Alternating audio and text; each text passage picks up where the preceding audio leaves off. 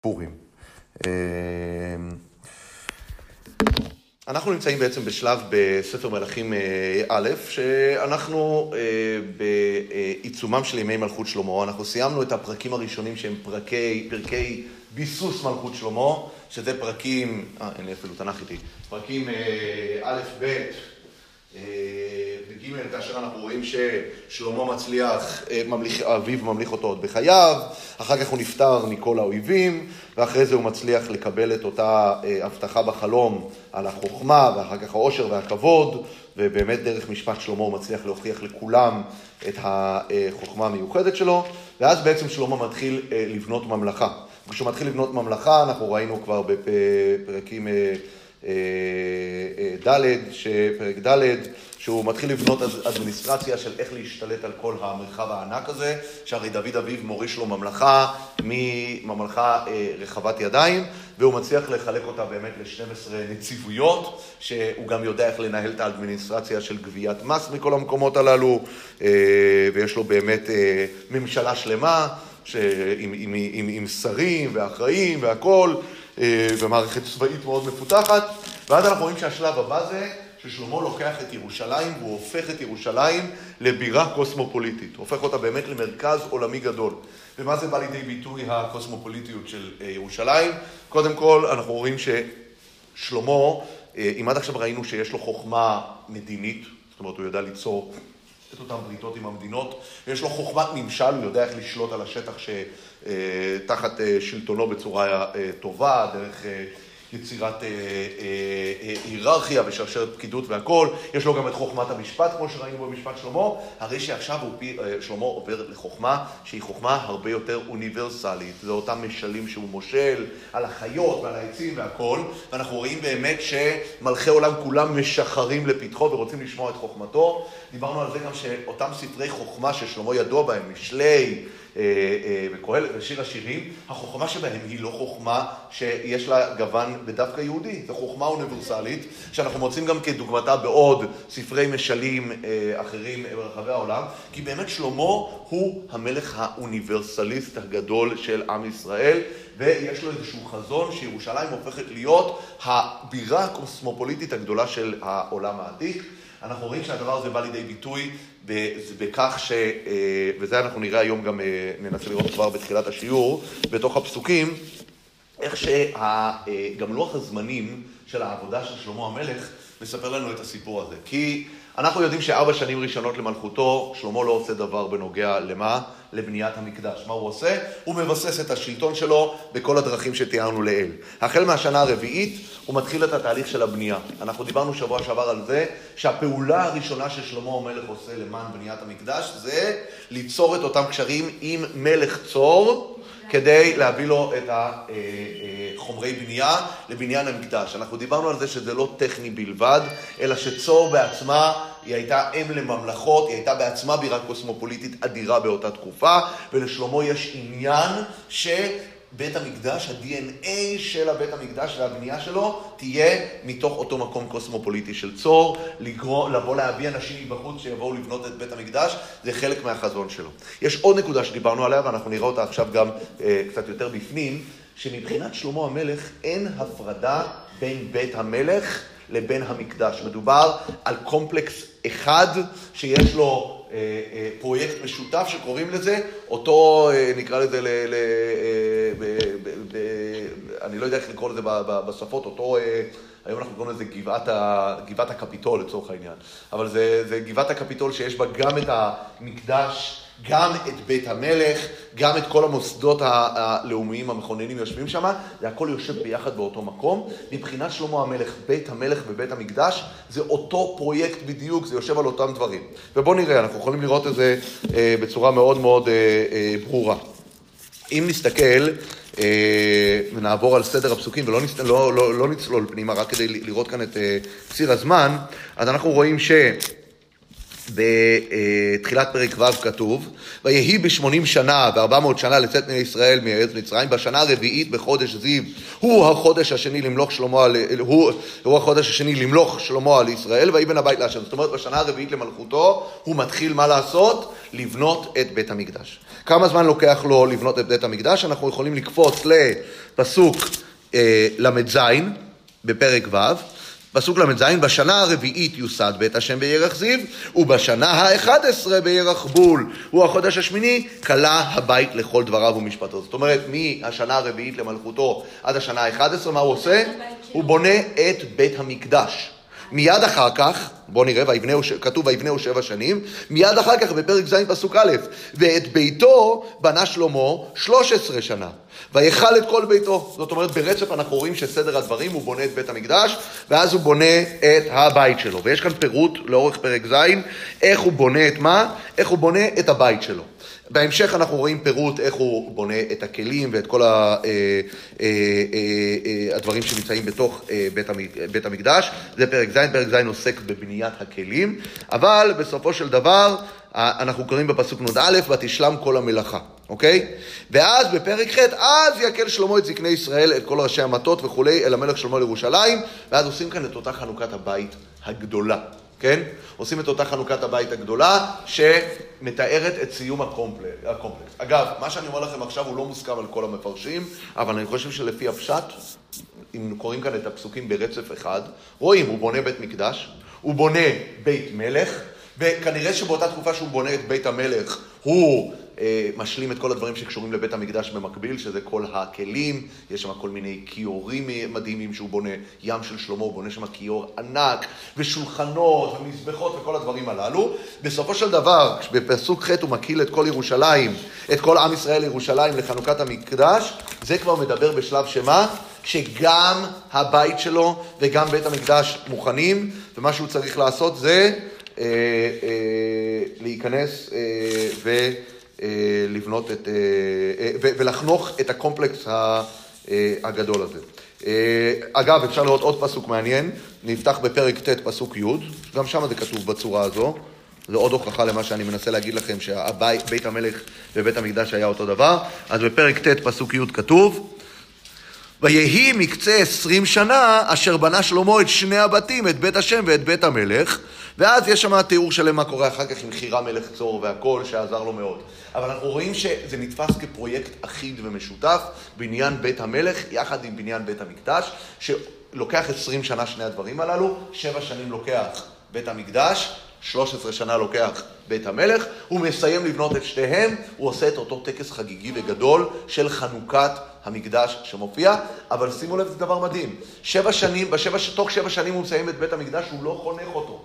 הוא לא חונך אותו, וזה למה? זה מתחבר למה שאמרנו, שלשלמה המלך יש תפיסה אוניברסלית ביחס לבית המקדש. אותה תפיסה אוניברסלית אומרת שמה? שהגדולה של המלכות שלי, והעובדה שכל מלכי העולם משחררים לפתחי, והעובדה שיש לי קשרים דיפלומטיים עם כל המרחב, וזה שכל הדברים האלה ביחד, הם משרתים את החזון של בית המקדש, כי אותו בית מקדש אמור להיות בית תפילה לכל העמים. זה אותו, אה, אותו חזון שישעיהו ידבר עליו בהמשך כחזון אחרית הימים. זה מה ששלמה רוצה לממש במקדש הראשון, כאשר הוא בונה אותו, בית מקדש שמשרת את כולם. כן. לא הבנתי, לא שמעתי. כן. לא, לא, לא, לא, לא, לא. שבע שנים הוא בונה את המקדש, ואחר כך שלוש עשרה שנה את הבית שלו. אני רק אמרתי שבפרק ז' רואים שאחרי שמתארים לנו שהוא בונה את הבית שלו, חוזרים לתאר איך שהוא הוא מזמין את ההכנה של כל הכלים של המקדש, אוקיי? אז אני, אני אומר כאן שכנראה הכנת הכלים קורה, קורית בשלוש עשרה שנים האחרונות. שבע שנים הוא בונה את הבניין עצמו, את, ה, את, ה, את המבנה, אבל אחר כך בתקופה שהוא בונה את בית המלך, הוא גם באותו זמן דואג לכלי המקדש. אבל מה שאני מנסה כל הזמן להראות, שזה פרויקט אחיד ומשותף גם מבחינה, אה, אה, אה, מבחינת הארכיטקטורה. דווקא יצא לי לקרוא כמה מחקרים מאוד מרתקים, כי יש, מאוד קשה להבין איך היה בנוי מקדש שלמה, כי אין לנו כאן, אין, אין לנו את השאריות, מה שנקרא, את ה, את ה, מבחינה ארכיאולוגית אין, אין כאן שום דבר.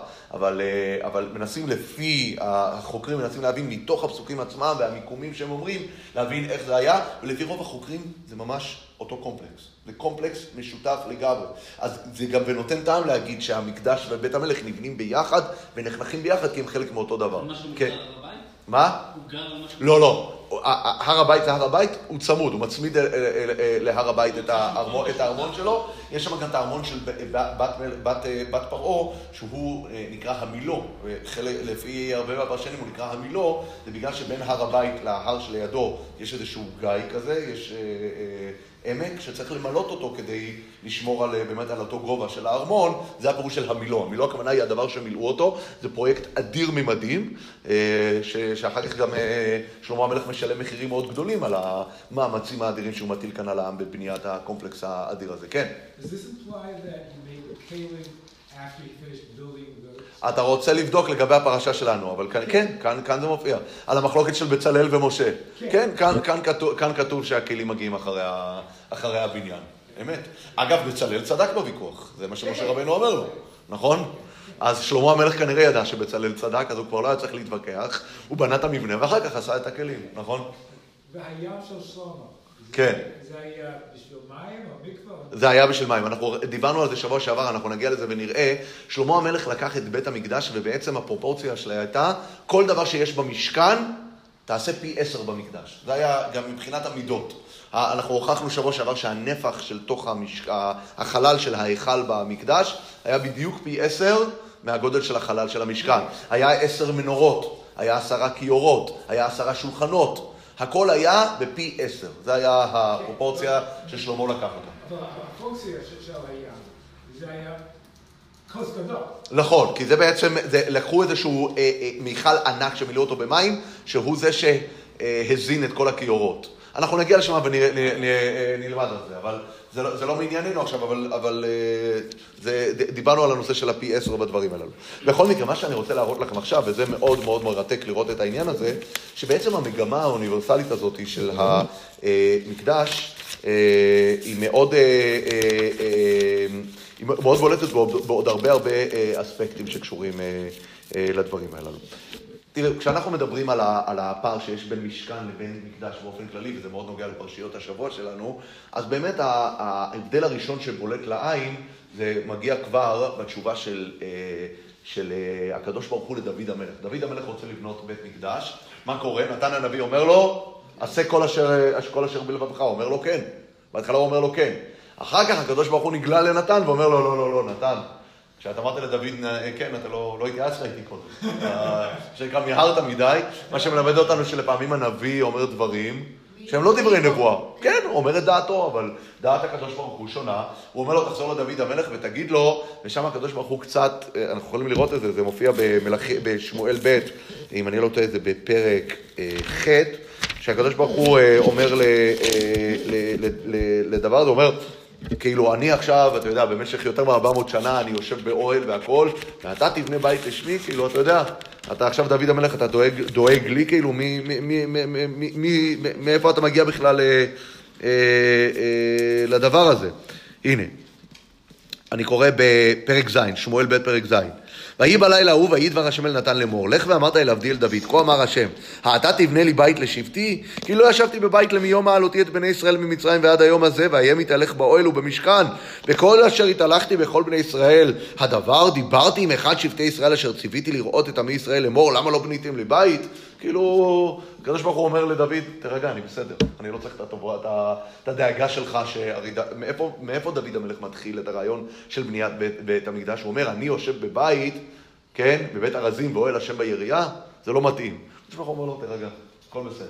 אבל מה שבולט בפסוק הזה, זה שהביטויים שמופיעים פה, זה לא ישבתי בבית למיום העלותי את בני ישראל ממצרים, ואהיה מתהלך באוהל. זאת אומרת, רואים כאן שההבדל הכי בולט בין בית, שזה מקדש, לבין משכן, זה שמשכן זה משהו מתהלך, ובית זה משהו קבוע, בבית יושבים, נכון. שזה באמת מבטא את הפער הכי גדול בין מקדש למשכן, שמשכן, במקדש, אנחנו מגיעים לאיזושהי מנוחה, מה שנקרא בשפה גם ההלכתית, מנוחת עולמים. הקדוש ברוך הוא כאילו מגיע לשם, פה יושב כי הביתיה, ומה שנקרא נגמרו ה... אה, הנדודים. עכשיו הדבר הזה אה, מאוד בולט בעוד נקודה שאנחנו נראה מיד גם בפרק הקרוב שאנחנו לומדים פה במלכים א'. בפרק הקרוב אנחנו נלמד על בניית הכרובים של שלמה המלך. בניית הכרובים של שלמה המלך היא מעניינת. כי אנחנו מכירים את הכרובים שיש על הארון. בארון יש שני כרובים, פורסי כנפיים למעלה, נכון, למעלה, ופניהם היא של אחיו, ושוחחים בכנפיהם. הכרובים הידועים מארון, מארון הברית. כשזה מגיע, מה? גם על הפרוכת. נכון, אבל כששלמה המלך בונה את בית המקדש, איפה הוא בונה את הכרובים? הכרובים הם על הרצפה. הארון, הוא לא, הוא, לא, הוא לא חתך את הכרובים מהארון. לארון יש עוד שתי כרובים ענקיים, שיש להם אה, פורסי כנפיים, הם בגובה עשר רמות, והכנפיים שלהם, אה, מוטת הכנפיים שלהם זה גם עשר רמות, כן? שני כרובים כאלה שמחוברים לרצפה. אנחנו רואים פה, אני חושב, את ההבדל הכי גדול בנושא הזה, שאם אנחנו מדברים על, אה, עד עכשיו היה את הכרובים פורסי כנפיים, הם היו כרובים ניידים. שלמה המלך, כשהוא מגיע למקדש, כשהוא מגיע באמת, וצריך להבין שבאיזשהו מקום, אה, כשמדברים על בית המקדש, תמיד יש את המעגלים, נכון? יש הרי עשרה קדושות שמדברים זו לפנים מזו. יש קדושת ארץ ישראל, וירושלים, ולפנים מהקלעים והכול. כשמדברים על כל הקדושות האלה, זה כמו פקעות של בצל, נכון? מה הצנטרום של הפיילה? קודש הקודשים, נכון? זה, זה, זה, זה, זה האמצע. ואם אפשר להגיד בתוך קודש קודשים מה האמצע של האמצע, זה הקרובים. כי אנחנו יודעים שמשם, המפגש בין הקרובים זה המקום שמשם שכינה מדברת אל משה, כן? זה המקום ששכינה דובר, דוברת מביניהם. וכששלמה המלך רוצה לקחת את, ה, אה, אה, אה, את הקדושה הזאת ולקבע אותה באיזשהו מקום, מה הוא עושה? הוא לוקח את הכרובים ומקבע אותם לאדמה. זה הצורה איך שהוא, מה שנקרא, מייצר את אותו קביעות. אמנם יש כאן שילוב יפה, ששלמה המלך לוקח את אותו הארון מהמדבר, הוא משתמש באותו ארון הברית שעשה משה ובצלאל, ובעצם, דבר שלא אנשים לא יודעים אותו, בבית המקדש היו ארבעה קרובים. יש אותם שניים שעל הרצפה, ויש את השתיים שעל הארון. אוקיי? אבל השתיים שבעצם אה, שלמה מוסיף על הרצפה מבטאים את זה שזהו, הגענו למנוחה, הקרובים יכולים להיות מחוברים לאדמה, הם לא צריכים להיות ניידים כמו שהיה אה, עד, אה, עד היום. הארון אה, מקובע או... מה זה? הארון גם מקובע? הארון לא מקובע, מה פתאום? הארון מונח. הארון מונח, הארון מונח, לא, לא חיברו אותו. עכשיו, יש כאן עוד נקודה, והיא נקודה מאוד משמעותית שבולטת בעניין הזה. שכשהארון עצמו, יש בו הרי אה, אה, בדים, נכון? מה זה הבדים? בדים נמצאים בטבעות, שדרכו נושאים את הארון. על הארון יש ציווי מיוחד, שמה? בטבעות הארון יהיו הבדים, לא יסורו ממנו, יש איסור להוציא את הבדים מהארון בזמן המשכן. אבל בואו תראו דבר מדהים. במלכים, אצלנו, אה, במלכים א', בפרק ח', פסוק ח', מופיע פסוק מעניין. כאשר מכניסים באמת את הארון של ארון הברית לקודש קודשים, אז כתוב ככה. מה? כן.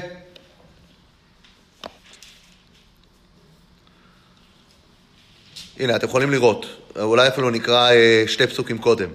ויביאו הכהנים את ארון ברית השם אל מקומו, אל דביר הבית, אל קודש הקודשים, אל תחת כנפי הכרובים. מה הכוונה תחת כנפי הכרובים? אותם כרובים הענקיים שעשה שלמה, הארון נכנס והוא שוכן תחתם. כי הכרובים פורסים כנפיים אל מקום הארון. מה הכוונה אל מקום הארון? הכרובים שעשה אה, שלמה, שמחוברים לרצפה, זה כבר מופיע עוד לפני כן, כן? והם שוחחים על הארון, והארון כאילו נכנס אה, תחתיהם, כן? ובואו נמשיך. ויסוקו הכרובים על הארון ועל בדיו מלמעלה, ויעריכו הבדים, ויראו ראשי הבדים מן הקודש על פני הדביר, ולא יראו החוצה, ויהיו שם עד היום הזה. המפרשים מאוד התקשו מה המשמעות של הפסוק הזה. מה זה ויעריכו הבדים, ויראו ראשי הבדים מן הקודש על פני הדביר, ולא יראו החוצה. אז הרד"ק כותב דבר מעניין. הוא אומר, אני מקריא לכם את הלשון שלו. העריך, מה קרה עם הבדים פה בדיוק? מה זה העריכו ויעריכו הבדים? הוא אומר, העריכו אותם לחוץ, כלומר שמשכו אותם כלפי חוץ, לפי שלא היה צריך עוד לשאת בכתף. ומתחילה היו הבדים נתונים בארון בשווה, שהיו עודפים אחורי הארון כמו לפני הארון, כן? כיוון, כי הרי הארון היה צריך להיות בדיוק באמצע. הרי איפה היו עבדים? עבדים היו בצידי הארון, וכשאתה רוצה לצאת את, לשאת את הארון בצורה מאוזנת, עבדים בדיוק, מה שנקרא, בולטים באותו אורך בדיוק משני צידי הארון. הוא אומר, מה קורה פה? לפי שלא היה צריך, עוד- מתחילה היו עבדים נתונים בארון בשווה שהיו עודפים אחורי הארון כמו לפני הארון. וכיוון שהביאו את הארון לדביר כמו שהיה עם בדיו, ולא היה עתיד עוד לנשוא בכתף, האריכו עבדים ומשכום כלפי חוץ עד שנראו ראשי עבדים על הדביר. הוא אומר, תפסו את עבדים, ובעצם משכו אותם לכיוון אחד עד הסוף. היה להם הרי, אז הקצה שלהם היה עבה, נכון? כדי שלא, שלא יצאו. ככה הם היו עשויים עבדים, נכון? כשאתה רוצה שמקל יהיה תפוס בתוך טבעות ולא יוצא, אתה עושה את, הקצ... את הקצוות שלו יותר עבים, נכון? וככה הוא לא, הוא לא יכול לצאת. הוא אומר כאן, תפסו את אותם בדים ודחפו אותם עד הסוף, כדי להראות שמה? שזה קבוע. שזה קבוע, לא צריך לסחוב יותר. זאת אומרת, שוב פעם, אנחנו רואים גם הכרובים עצמם שמחוברים לרצפה, וגם אותם בדים שאנחנו יודעים שנאמר עליהם לא יסורו ממנו, כשזה מגיע לבית המקדש, אומר, אנחנו מדגישים שזה נכון, אנחנו לא מסירים את הבדים, אבל אנחנו שמים אותם בצורה כזאתי, בפוזיציה כזו, שדי ברור שלשאת אותם אי אפשר, כי מצד אחד כבר לא נותר כלום, כי מושכים אותם ב- ל- עד הסוף, שהם בול- בולטים רק מכיוון אחד, ובכיוון השני, מה שנקרא, אין איפה לתפוס כבר. זה כ- ככה עושים את הבדים. אז כבר אנחנו למדים עוד נקודה, ששלמה המלך ברגע שהוא מכניס את הארון לבית המקדש, הוא אומר ויריחו עבדים, הוא מדגיש מיד לכולם, חבר'ה, נגמרו הנדודים. It's here to stay, זה לא הולכים, לא הולכים לטייל, ב, ב, לטייל יותר עם הארון. זה שוב פעם מדגיש לנו את הנקודה הזאת הבסיסית של הפער בין המשכן לבין המקדש, בנושא שהמשכן זה מקום של נדודים, לעומת המשכן שזה מקום, המקדש זה מקום קבוע, וזה בא לידי ביטוי באמת גם, אה, אה, כמו שאמרנו, בבנייה של הכרובים ובהערכת הבדים. אבל יש כאן עוד נקודה, וזו נקודה מאוד אה, משמעותית וחשובה. שכשאנחנו מסתכלים מה הייעוד של המשכן, אנחנו רואים שני ייעודים שמופיעים לגביו. אנחנו, מה, מה, מה הביטויים, שאיך איך המשכן נקרא? הוא נקרא במשכן העדות, והוא נקרא אוהל מועד. מה ההבדל? מועד ועדות זה נשמע אותו דבר, אבל זה שני מונחים שונים, נכון? מה זה מועד ומה זה עדות? אוהל מועד הכוונה היא, אשר ייוועד לך שמה. מה זה ייוועד? זה מקום של מפגש, של התוועדות. אוהל, משכן העדות, הכוונה היא ב- את העדות, ושמת בארון את העדות אשר אתן אליך. מה זה העדות? לוחות הברית, התורה, נכון? העדות, באיזשהו מקום, מה שנשאר לנו ממעמד הר סיני. זאת אומרת שבמשכן נמצאת, המשכן משמש כמקום שהוא שומר את הלוחות של הר סיני, הוא משמר את הר סיני, והוא מקום אשר ייוועד לך שמה, מה הכוונה אשר ייוועד לך שמה? מבין הקרובים, זה הצורה איך שהקדוש ברוך הוא מדבר עם משה רבנו מבין הקרובים. אז זאת אומרת שאם נשים לב, המשכן בכל מהותו והווייתו מבטא מקום שדרכו הקדוש ברוך הוא מדבר עם עם ישראל. מצד אחד הוא משכן העדות, הוא אותו מקום, זה, זה גם הארון שמשמר את אותה, אה, אותו דיבור פומבי שהיה לקדוש ברוך הוא עם כל עם ישראל במעמד הר סיני, זו אותה עדות, זה התורה, התורה, כשאנחנו קוראים את התורה, אנחנו קוראים את דברי השם, וזה גם המקום שדרכו הקדוש ברוך הוא מדבר עם מי? עם משה רבנו. כשאנחנו הולכים למקדש ואנחנו רואים את המקדש של שלמה, אנחנו יכולים לפתוח ולראות מה קורה. בפרק, אה, בפרק ט', אה, כאשר אה, שלמה מתחיל, אה, מתחיל אה, לדבר על המקדש ועל הייעוד שלו, אז בואו נראה. בפרק ח' בפסוק כ"ח. שלמה המלך פותח בתפילה מאוד גדולה בחנוכת המקדש, ואז הוא אומר, ופנית אל תפילת עבדך ואל תחינתו השם אלוקיי, לשמוע אל הרינה ואל התפילה אשר עבדך מתפלל לפניך היום, ומהי התפילה? להיות עיניך פתוחות אל הבית הזה לילה ויום, אל המקום אשר אמרת יש מי שם, לשמוע אל התפילה אשר להתפלל עבדך אל המקום הזה, כן? ואז יש כאן רשימה שלמה של כל מיני תפילות. אני קופץ לפסוק ל"ג. בהנגף עמך ישראל לפני אויב אשר יחטאו אליך ושבו אליך והודו שמך והתפללו והתחננו אליך בבית הזה ואתה תשמע השמיים. אני מדלג פסוק ל"ה. בהעצר שמיים, שוב פעם, מה הבקשה שלו? ואתה תשמע השמיים, וסלחת. רעב כי יהיה בארץ, אתה תשמע השמיים. פסוק מ"א, גם אל הנוכרי אשר לא מעמך ישראל הוא, הוא בא מארץ רחוקה, אתה תשמע השמיים. שלמה רואה את בית המקדש כייעוד מרכזי של מה? כמקום תפילה. מקום תפילה. זה פער מאוד מאוד מאוד גדול מהסיפור של המשכן. במשכן אנחנו מדברים על מקום שדרכו הקדוש ברוך הוא מדבר אלינו. דרך העדות, שזה התורה, דרך הנבואה, שמשה רבינו הנבואה מגיעה מבין הקרובים. כשמדברים על המקדש, הייעוד של המקדש הוא ההפך. הוא המקום שהקדוש ברוך הוא שומע אותנו. שם במשכן הקדוש ברוך הוא מדבר אלינו, במקדש אנחנו מדברים אל הקדוש ברוך הוא. עכשיו, הדבר הזה הוא דבר שהוא הוא שינוי מאוד מאוד מאוד משמעותי, שהוא גם, אני חושב, אה, אה, מאוד בא לידי ביטוי בזה שאנחנו כבר לא רואים שהנבואה קשורה למקדש יותר. יש נביאים, לפעמים הנביאים נמצאים בסביבת המקדש, אבל אנחנו לא רואים שהמקדש לוקח חלק פעיל במה? בנבואה שלהם. אגב, לפני כן, זה מאוד מעניין, כי עד שאני ראיתי את הדברים האלה לא חשבתי על זה. עם ישראל היה לו הפסקת נבואה מאוד ארוכה בתקופת השופטים. כמעט 350 שנה שאין אין, אין נביאים כמעט. יהושע בן נון הוא נביא, אחרי יהושע בן נון יש הפסקה, יש את דבורה הנביאה, ואין שום נביאים עד מתי? עד ימי שמואל הנביא. 350 שנה של שתיקה ארוכה מאוד. שמואל הנביא הוא מחדש הנבואה בעם ישראל בתקופתו. לכן יש לו כל כך מעמד חשוב, הוא גם מחדש המלוכה, וגם הנבואה, ומכין את כל התשתיות של, של, של, של הרבה דברים, אבל כאשר הנבואה חוזרת אליו, איפה שמואל הנביא נמצא? איפה הוא נמצא? איפה הוא מקבל את הנבואה הראשונה שלו? הוא במשכן, הוא נמצא במשכן בשילה. זאת אומרת, אנחנו רואים שבאותה תקופה שהמשכן נמצא בשילה, המשכן הוא זירת ההתרחשות הנבואית, וזה המקום שבו הנבואה פתאום חוזרת לעם ישראל אחרי שנים ארוכות שלא הייתה נבואה. משה רבינו, אנחנו יודעים שזה מדבר אליו אה, אה, אה, הנבואה משם. כשזה מגיע למקדש, אנחנו לא רואים שהמקדש, הוא לוקח איזשהו מרכיב משמעותי בנבואות שיהיה אחר כך. יש, יש הרבה נביאים אחרי שיש מקדש, נכון? יש את, אה, יש את אחיה השילוני, ויש את, אה, את, את, את עידו הנביא, ויש את, את, את, את, כמובן אחר כך אליהו ואלישע, ואחר כך נביאי הספר, ירמיהו וישעיהו. אנחנו לא רואים אצל אף אחד שהנבואה קשורה דווקא למקדש. למה? כי המקדש משרת תפקיד אחר. המקדש הוא תל תלפיות, הוא תל שכל פיות פונות אליו. ולכן, ולכן, וזה נוגע למה שהתחלנו, המקדש יש לו תפקיד אוניברסלי. המקדש לא רק משרת את עם ישראל, כי התפילה, לעם ישראל אין בלעדיות על התפילה. הקדוש ברוך הוא מדבר, הוא מדבר רק עם עם ישראל, כשהקדוש ברוך הוא מדבר. אבל כשהקדוש ברוך הוא שומע, הוא שומע את כולם. הוא שומע את כולם, זה הבדל מאוד משמעותי שצריך לדעת. זה גם, אגב, אחד מההבדלים בין תורה לתפילה, נגיד. ההלכה לגבי תורה היא, מה? שגוי, אסור לו ללמוד תורה, נכון? כי תורה, מה היא?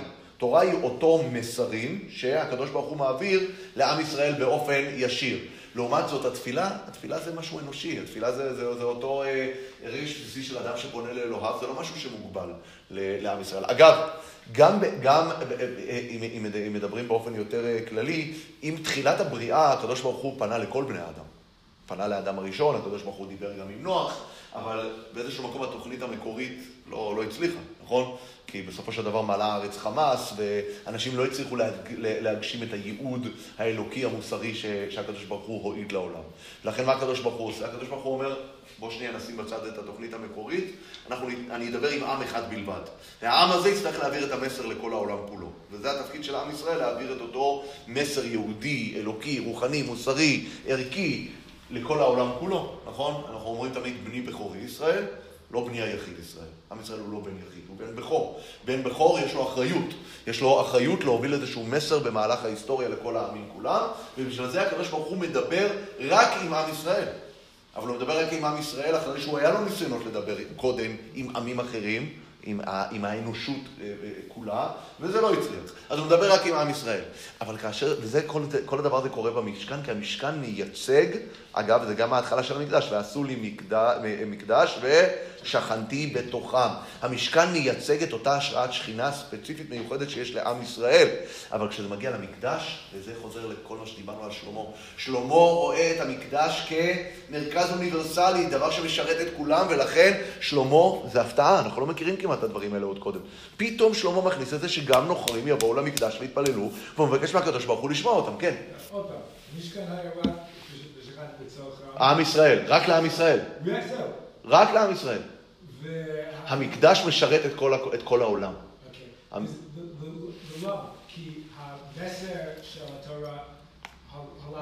זה מה ששלמה רוצה לעשות, כן. שלמה באיזשהו מקום רוצה לקחת את הדברים ולהשפיע על המרחב. אותו חזון של ישעיהו, של והיה באחרית הימים, ונכון יהיה אה, בית השם בראש הערים, ונישא מגבעות, והגויים הולכים אליו, כי מציון תצא תורה דבר השם ירושלים, ושפט וכולי, כל הדברים הללו זה חלק מהתפיסה של שלמה המלך, איך בית המקדש צריך להיראות. אני, אני רק אוסיף כאן עוד נדבך שהוא מאוד משמעותי שצריך לשים לב. שהמקדש עצמו, מתי נחנך? באיזה חודש? אנחנו יכולים לראות. בחודש תשרי. בחודש תשרי נחנך המקדש. המשכן נחנך בניסן. למה? כי זה בדיוק מייצג את הפערים האלה. ניסן הוא ראש החודשים היהודי. ראש השנה היהודי הוא ניסן, ולכן בניסן זה חנוכת המשכן. תשרי הוא ראש השנה האוניברסלי, הוא ראש השנה החקלאי, נכון? וחג האסיף בצאת השנה באוספך את מעשיך מן השדה. סוכות מייצג את סיום מעגל השנה החקלאי. אנחנו יודעים שכל הדברים שקשורים לטבע מתחילים מתי? בראש השנה, לכן שנת שמיטה מתי מתחילה? שמיטה, יובלות, כל הדברים הללו, למרות שאנחנו, הקדוש ברוך הוא אומר במפורש שניסן הוא ראש החודשים, אבל שמיטה ודאי מתחילה בראש השנה, כי שמיטה מייצגת את השנה החקלאית. שנה חקלאית היא מתשרי עד תשרי, ולכן שלמה המלך חונך את המקדש מתי? בראש השנה האוניברסלי, לא בראש השנה היהודי, כי המשקע, המקדש נועד לשרת את כולם. אגב, אחד הדברים שמבטא מאוד חזק את הפער בין תשרי לבין ניסן, קשור לזה שבפסח, מה ההלכה שנאמרת לגבי קורבן פסח? כל בן נכר לא יאכל בו. זאת אומרת, מדובר כאן על חג שחוגגים, עם היהודי חוגג את הקשר הייחודי שלו עם הקדוש ברוך הוא. סוכות, אנחנו יודעים את הנבואה של זכריה, שבחג הסוכות כל הגויים יאספו לירושלים ויבואו ויהיו חלק מזה. חג הסוכות הוא חג אוניברסלי במהותו, אנחנו מקריבים 70 פרים כנגד 70 אומות העולם. החג הזה, הנבואה, ההפטרה שיש בסוכות, בשבת חול המועד זה גוג ומגוג, כי אנחנו מדברים על איזשהו תיקון אוניברסלי. סוכות הוא חג אוניברסלי ולכן שלמה המלך בעצמו חונך את המקדש בסוכות, כי הוא רואה את המקדש כמקום שהוא באמת תל תלפיות לכולם. ברשותכם, אני אנצל את העשר דקות האחרונות להגיד איזושהי נקודה שקשורה לפורים, ואני מזכיר שוב פעם, לצערי, שבוע, זה לא לצערי, זה לשמחתי שבוע הבא לא יהיה שיעור כי זה פורים, אבל כנראה שגם שבוע אחריו, אני אוציא הודעה בוואטסאפ על הדבר הזה. לגבי, לגבי פורים, וזו נקודה שקשורה קצת לעניין שלנו. אנחנו קראנו שבת שקלים לפני כשבועיים, שבוע וחצי. אנחנו יודעים מה שחז"ל אומרים, למה עושים, למה מתחילים לקרוא שקלים לפני ראש חודש אדר? כדי להקדים את שקלינו לשקליו של אותו רשע. עכשיו, יש כאן, מה, מה באמת הנקודה הזאת? למה אנחנו צריכים להקדים את שקלי המקדש? אנחנו עוסקים פה כל הזמן במקדש. שקלי המקדש לשקליו של המן הרשע. אז יש כאן אה, דבר מרתק. כשאנחנו מסתכלים על הסיפור של המגילה, דבר אחד אנחנו יודעים שלא מופיע במגילה. זה הסיפור של ארץ ישראל. עכשיו, למה זה כל כך אה, מעניין הדבר הזה? כי אם אנחנו רוצים להקביל את המגילה, את הסיפור של המגילה, למה שקורה אה, במקביל בתנ"ך, אז באמת אנחנו נופלים על ספר עזרא. ובספר עזרא אנחנו רואים תהליך של מה? של שיבת ציון, עם ישראל חוזר לארצו אחרי אה, אותה גלות, ומנסים בארץ ישראל לבנות מחדש את ה... מההריסות, להקים מחדש את הבית השני ואת השלטון היהודי בארץ ישראל. עכשיו, כשאנחנו פותחים את ספר עזרא, ואנחנו קוראים באותה תקופה, אנחנו מגלים בספר עזרא שני רמזים על הסיפור של מגילת אסתר, אבל שוב פעם, גם בספר עזרא יש התעלמות מוחלטת מהמגילה. מגילת אסתר וספר עזרא, שנכתבים באותה תקופה, מתארים את אותה תקופה, מתעלמים אחד מהתהליכים של השני, ששני התהליכים האלה לכאורה הם תהליכים אה, אה, אה, מעניינים, זאת אומרת, ברמה הלאומית. מדובר כאן על נס הצלה אדיר של עם ישראל, שבספר עזרא לא נזכר ממנו כלום. תכניסו לנו מבחינת זמנים. מבחינת זמנים זה מקביל. אני לא, אני לא אתייחס עכשיו למה שחז"ל אומרים. חז"ל מכניסים את הסיפור של המגילה לתוך גלות בבל. לתוך גלות בבל, אבל זה, זה כרונולוגית זה לא מסתדר. כרונולוגית זה לא מסתדר מה שחז"ל אומרים. שהם אומרים שסיפור המגילה קורה, אני חושב שנתיים לפני סיום גלות בבל, אבל כבר דיברו על זה, יש על זה המון המון המון כתיבה על הנושא הזה. אבל אם נפתח בספר עזרא אנחנו נראה שיש שני אזכורים שקשורים למגילה בתוך ספר עזרא והם אזכורים מרתקים. המקום הראשון זה בפרק ב'. בפרק ב' בעזרא יש רשימה של האנשים שחוזרים עם עזרא לירושלים. ואלה בני המדינה העולים משבי הגולה, אשר הגלה נבוכדנצר מלך בבל לבבל, וישובו לירושלים ויהודה, איש לעירו, זה בעזרא ב', פסוק א', אשר באו עם זרובבל, ישוע, נחמיה, שריה, ראליה, מרדכי בלשן. הוא אחד מהרשימה של האנשים שחוזרים לירושלים עם מי? עם עם עזרא, קבוצה של אנשים שעולים. עכשיו... במגילה, זה גם כן כתוב במגילה. או, זה גם כתוב במגילה, במגילה כתוב ההפך. כתוב שהוא היה באותה גלות שהגלה יחוניה אה, אה, מלך בבל, אה, ואגב, במגילה הכוונה היא לא שמרדכי עצמו היה. אותו אחד. זה לא, זה לא מסתדר כרונולוגית, הרי מתי הייתה הגלות ההיא? הגלות ההיא הייתה 11 שנה לפני חורבן בית המקדש, היה גלות החרש והמחר... והמסגר. אם אתה עושה את הדבר הזה, אתה אומר, אתה צריך להגיד, אלא אם כן תגיד, אם, אם, אם ניצמד לחז"ל, שסיפור מגילה קורה שנתיים לפני סוף גלות בבל, אז יכול להיות שמרדכי היה ילד קטן, כשהגלו את גלות בבל, ואז בסיפור המגילה הוא צריך להיות בן משהו כמו, הוא צריך להיות בן 90, בין 90 ל-100. כן? אבל אם ניצמד כאן לנקודות אה, האלה, וכאן כתוב שמרדכי חוזר בסוף הגלות. הוא חוזר לירושלים, כן? אז, אז זה בכלל יוצר כאן פערים, אה, פערים אה, אדירים. אז במגילה, אגב, אליבא דאפשט, הכוונה היא, איש יהודי היה בשושן ולברה, ושמו מרדכי בן יאיר בן, בן קיש, איש ימיני, אשר הוגלה. מי הוגלה? קיש, לא מרדכי. זה, זה, זה, זה כנראה הפשט. קיש הוא זה שהוגלה, נכון? בימי מתתיהו בן יוחנן כהן גדול. מי היה כהן גדול? מתתיהו או יוחנן? בימי מתתיהו בן יוחנן כהן גדול. מי היה כהן גדול? יוחנן או מתתיהו? יוחנן, אולי מתתיהו. אה, אה, מתתיהו בן יוחנן או מתתיהו בן יוחנן כהן גדול, נכון? אבל כן, יוחנן היה כהן גדול, לא מתתיהו. כן. כן. אבל אני אומר, זה הרבה פעמים יש את הנקודה הזאת, נכון? למדנו את זה גם בתחילת ספר שמואל, נכון? איש אחד, איש היה ברמתי צור שמו זה וזה, אפרתי. יש שם גם שאלה, מי הוא אותו אפרתי? האם זה מדבר על אלקנה, או אותו בן תוכו, בן צוף, בן אה, זה, אחד מהאבות שלו. אז גם פה כנראה שקיש הוא זה שגולה אה, מירושלים. מרדכי הוא הנכד, הוא הנין, כן? ומרדכי הוא זה שחוזר בגלות לירושלים. רגע, אז הוא חוזר לירושלים? אז אה, מה, מה הוא עושה בשושן? כאן אנחנו רואים בעזרה שמרדכי מגיע לירושלים, במגילה אנחנו פוגשים אותו, איפה? פוגשים אותו בשושן. בואו נראה עוד נקודה מעניינת. בפרק ד' בספר עזרא, יש רשימה, האנשים מנסים הרי לבנות את ירושלים ואת בית המקדש, יש רשימה של אנשים שמפריעים להם כל הזמן בבניית בית המקדש, ואני אקרא בפרק ד'. וישמעו צרי יהודה ובנימין כי בני הגולה בונים היכל להשם אלוקי ישראל, ויגשו אל זרובבל ולראשי אבות ואמרו להם נבנה עמכם, כי ככם נדרוש לא עליכם וכולי, ויבואו להם זרובבל ויהושע ושאר ראשי האבות, לא לכם ולנו לבנות בית לאלוהינו. צרי יהודה ובנימין פתאום נהיים נחמדים, אותם אנשים שעד היום רבים איתם. צרי יהודה ובנימין זה אותם עמים שגרים בארץ בזמן שעם ישראל בגלות. זה השומרונים והכותים וכל העמים האלה? לא. ואז מה קורה? ויהי עם הארץ מרפים ידי עם יהודה ומבהלים אותם לבנות ושוכרים עליהם יועצים להפר עצתם כל ימי כורש מלך פרס ועד מלכות דריווש מלך, פר... מלך פרס. זאת אומרת, יש כאן רשימה של כל האנשים שמפריעים לעזרה בפרויקט הגדול שלו, של מה? של בניית בית שני.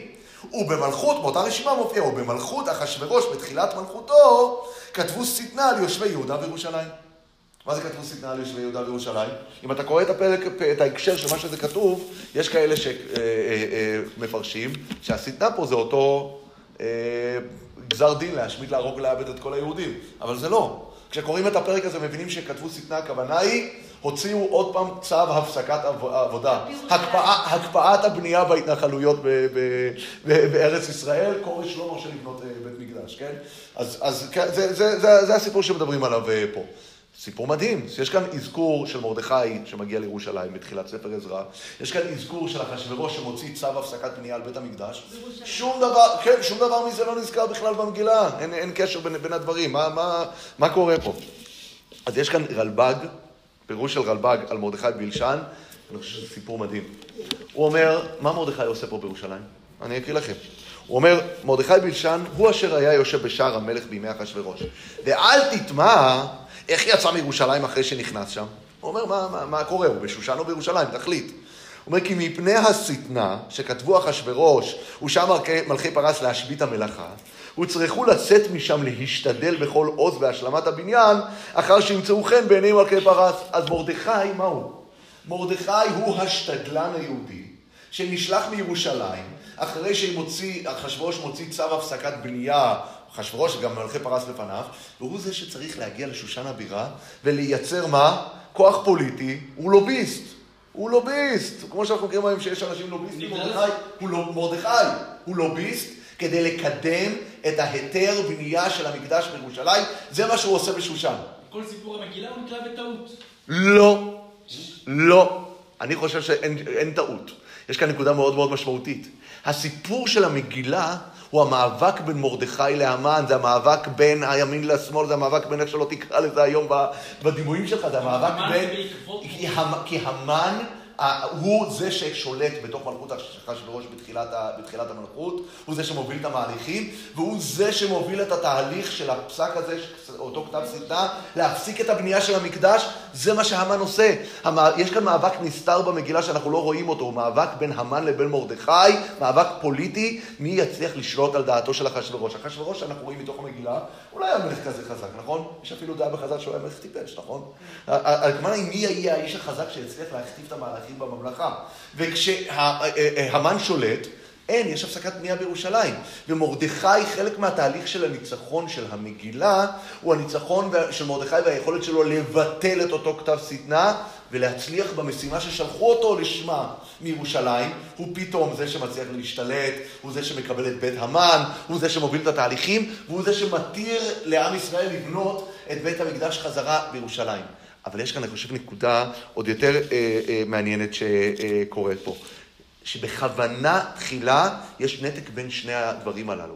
כי בסופו של דבר מה שהמגילה מספרת לנו בתחילת דרכה, זה ש... וחז"ל אגב אומרים, מבססים, מביאים הרבה מדרשים על זה, שמה? שבאותו משתה שמלך אחשוורוש עושה, הוא מזמין את היהודים. פתאום יש כאן מלך בחוץ לארץ, הוא נחמד ליהודים, הוא מזמין אותם, הוא מזמין אותם להתבסס ולהיות שם במקור. אוקיי? עכשיו, היהודים לכשעצמם הולכים, ומה שנקרא בלשון חז"ל, נהנו מסעודתו של אותו רשע. ובאותו סעודה מה הוא עושה? והרבות בכלי זהב וכלים מכלים שונים, אנחנו קוראים לזה במנגינת איכה, וכלים מכלים שונים, נכון? כי זה אותם כלי המקדש, שמה מלך אחשוורוש אומר להם? אתם לא תבנו את המקדש והכלים של המקדש לא רלוונטיים. הם עכשיו הולכים לשמש אותי פה בסעודה כדי להשקות אתכם. וכשעם ישראל משתתף בסעודה הזאת, הוא בעצם בא ואומר שהוא מוכן לקבל את המצב הזה שעם ישראל הולך להשתקע בגלות, אוקיי? עכשיו, הסיפור של המגילה הוא סיפור גלותי קלאסי, זה הסיפור של המגילה. זה סיפור שנהנים מסעודתו של אותו רשע, אין ריבונות יהודית באותה תקופה בארץ, מנותקים מארץ ישראל, אין נבואה, שם לא נזכר במגילה, זאת אומרת, יש ממש הסתר פנים. אנחנו רואים שהפעולה שעושים, מהי הפעולה הרוחנית שקורית במגילה? תפילה. תפילה זה מאוד מאוד מבטא את מה שקורה בגלות. אין לנו יכולת להקריב קורבנות, אין נבואה, אין כלום. מה יהודי עושה, איך יהודי עובד את השם בגלות? דרך התפילה. תפילה זה מה שעושים שם, שהם צמים אה, אה, אה, שלושת ימים. אבל גם בסיפור של המגילה יש איזשהו מה שנקרא, איזושהי עלייה וקוץ בה. אמנם זה מסתיים באיזשהו סיפור של ניצחון, והסיפור של הניצחון של מרדכי מתיר להם בירושלים להתחיל לבנות את בית המקדש. אבל הגלות היהודית מתבססת בסופו של דבר. בית המקדש מקרטע. האנשים שעזרא צריך לשתף איתם פעולה, זה מה? זה אותם עשרה יוחסין שעולים מבבל, זה לא סלטה ושמנה. ובית בית מקדש השני בסופו של דבר לא מצליח להגיע למדרגת בית ראשון, כי זה הכוזרי כותב. הכוזרי כותב בית שני לא הגיע למדרגת בית ראשון, למה? כי בסופו של דבר אנשים העדיפו להישאר בגלות הנוחה, ולא לבוא ולסבול איפה? בארץ ישראל. וזו הסיבה שבית שני לא הגיע לאותה מדרגה של, של בית ראשון. וזה הסיפור של המגילה. מה? בפרס. זה כלום, זה היה דלת... מה, בפרס? כן. הם עוד הגיעו מאותו, מהגלות הראשונה. מהגלות של אחרי חורבן, של אחרי חורבן, הראש- חורבן המקדש.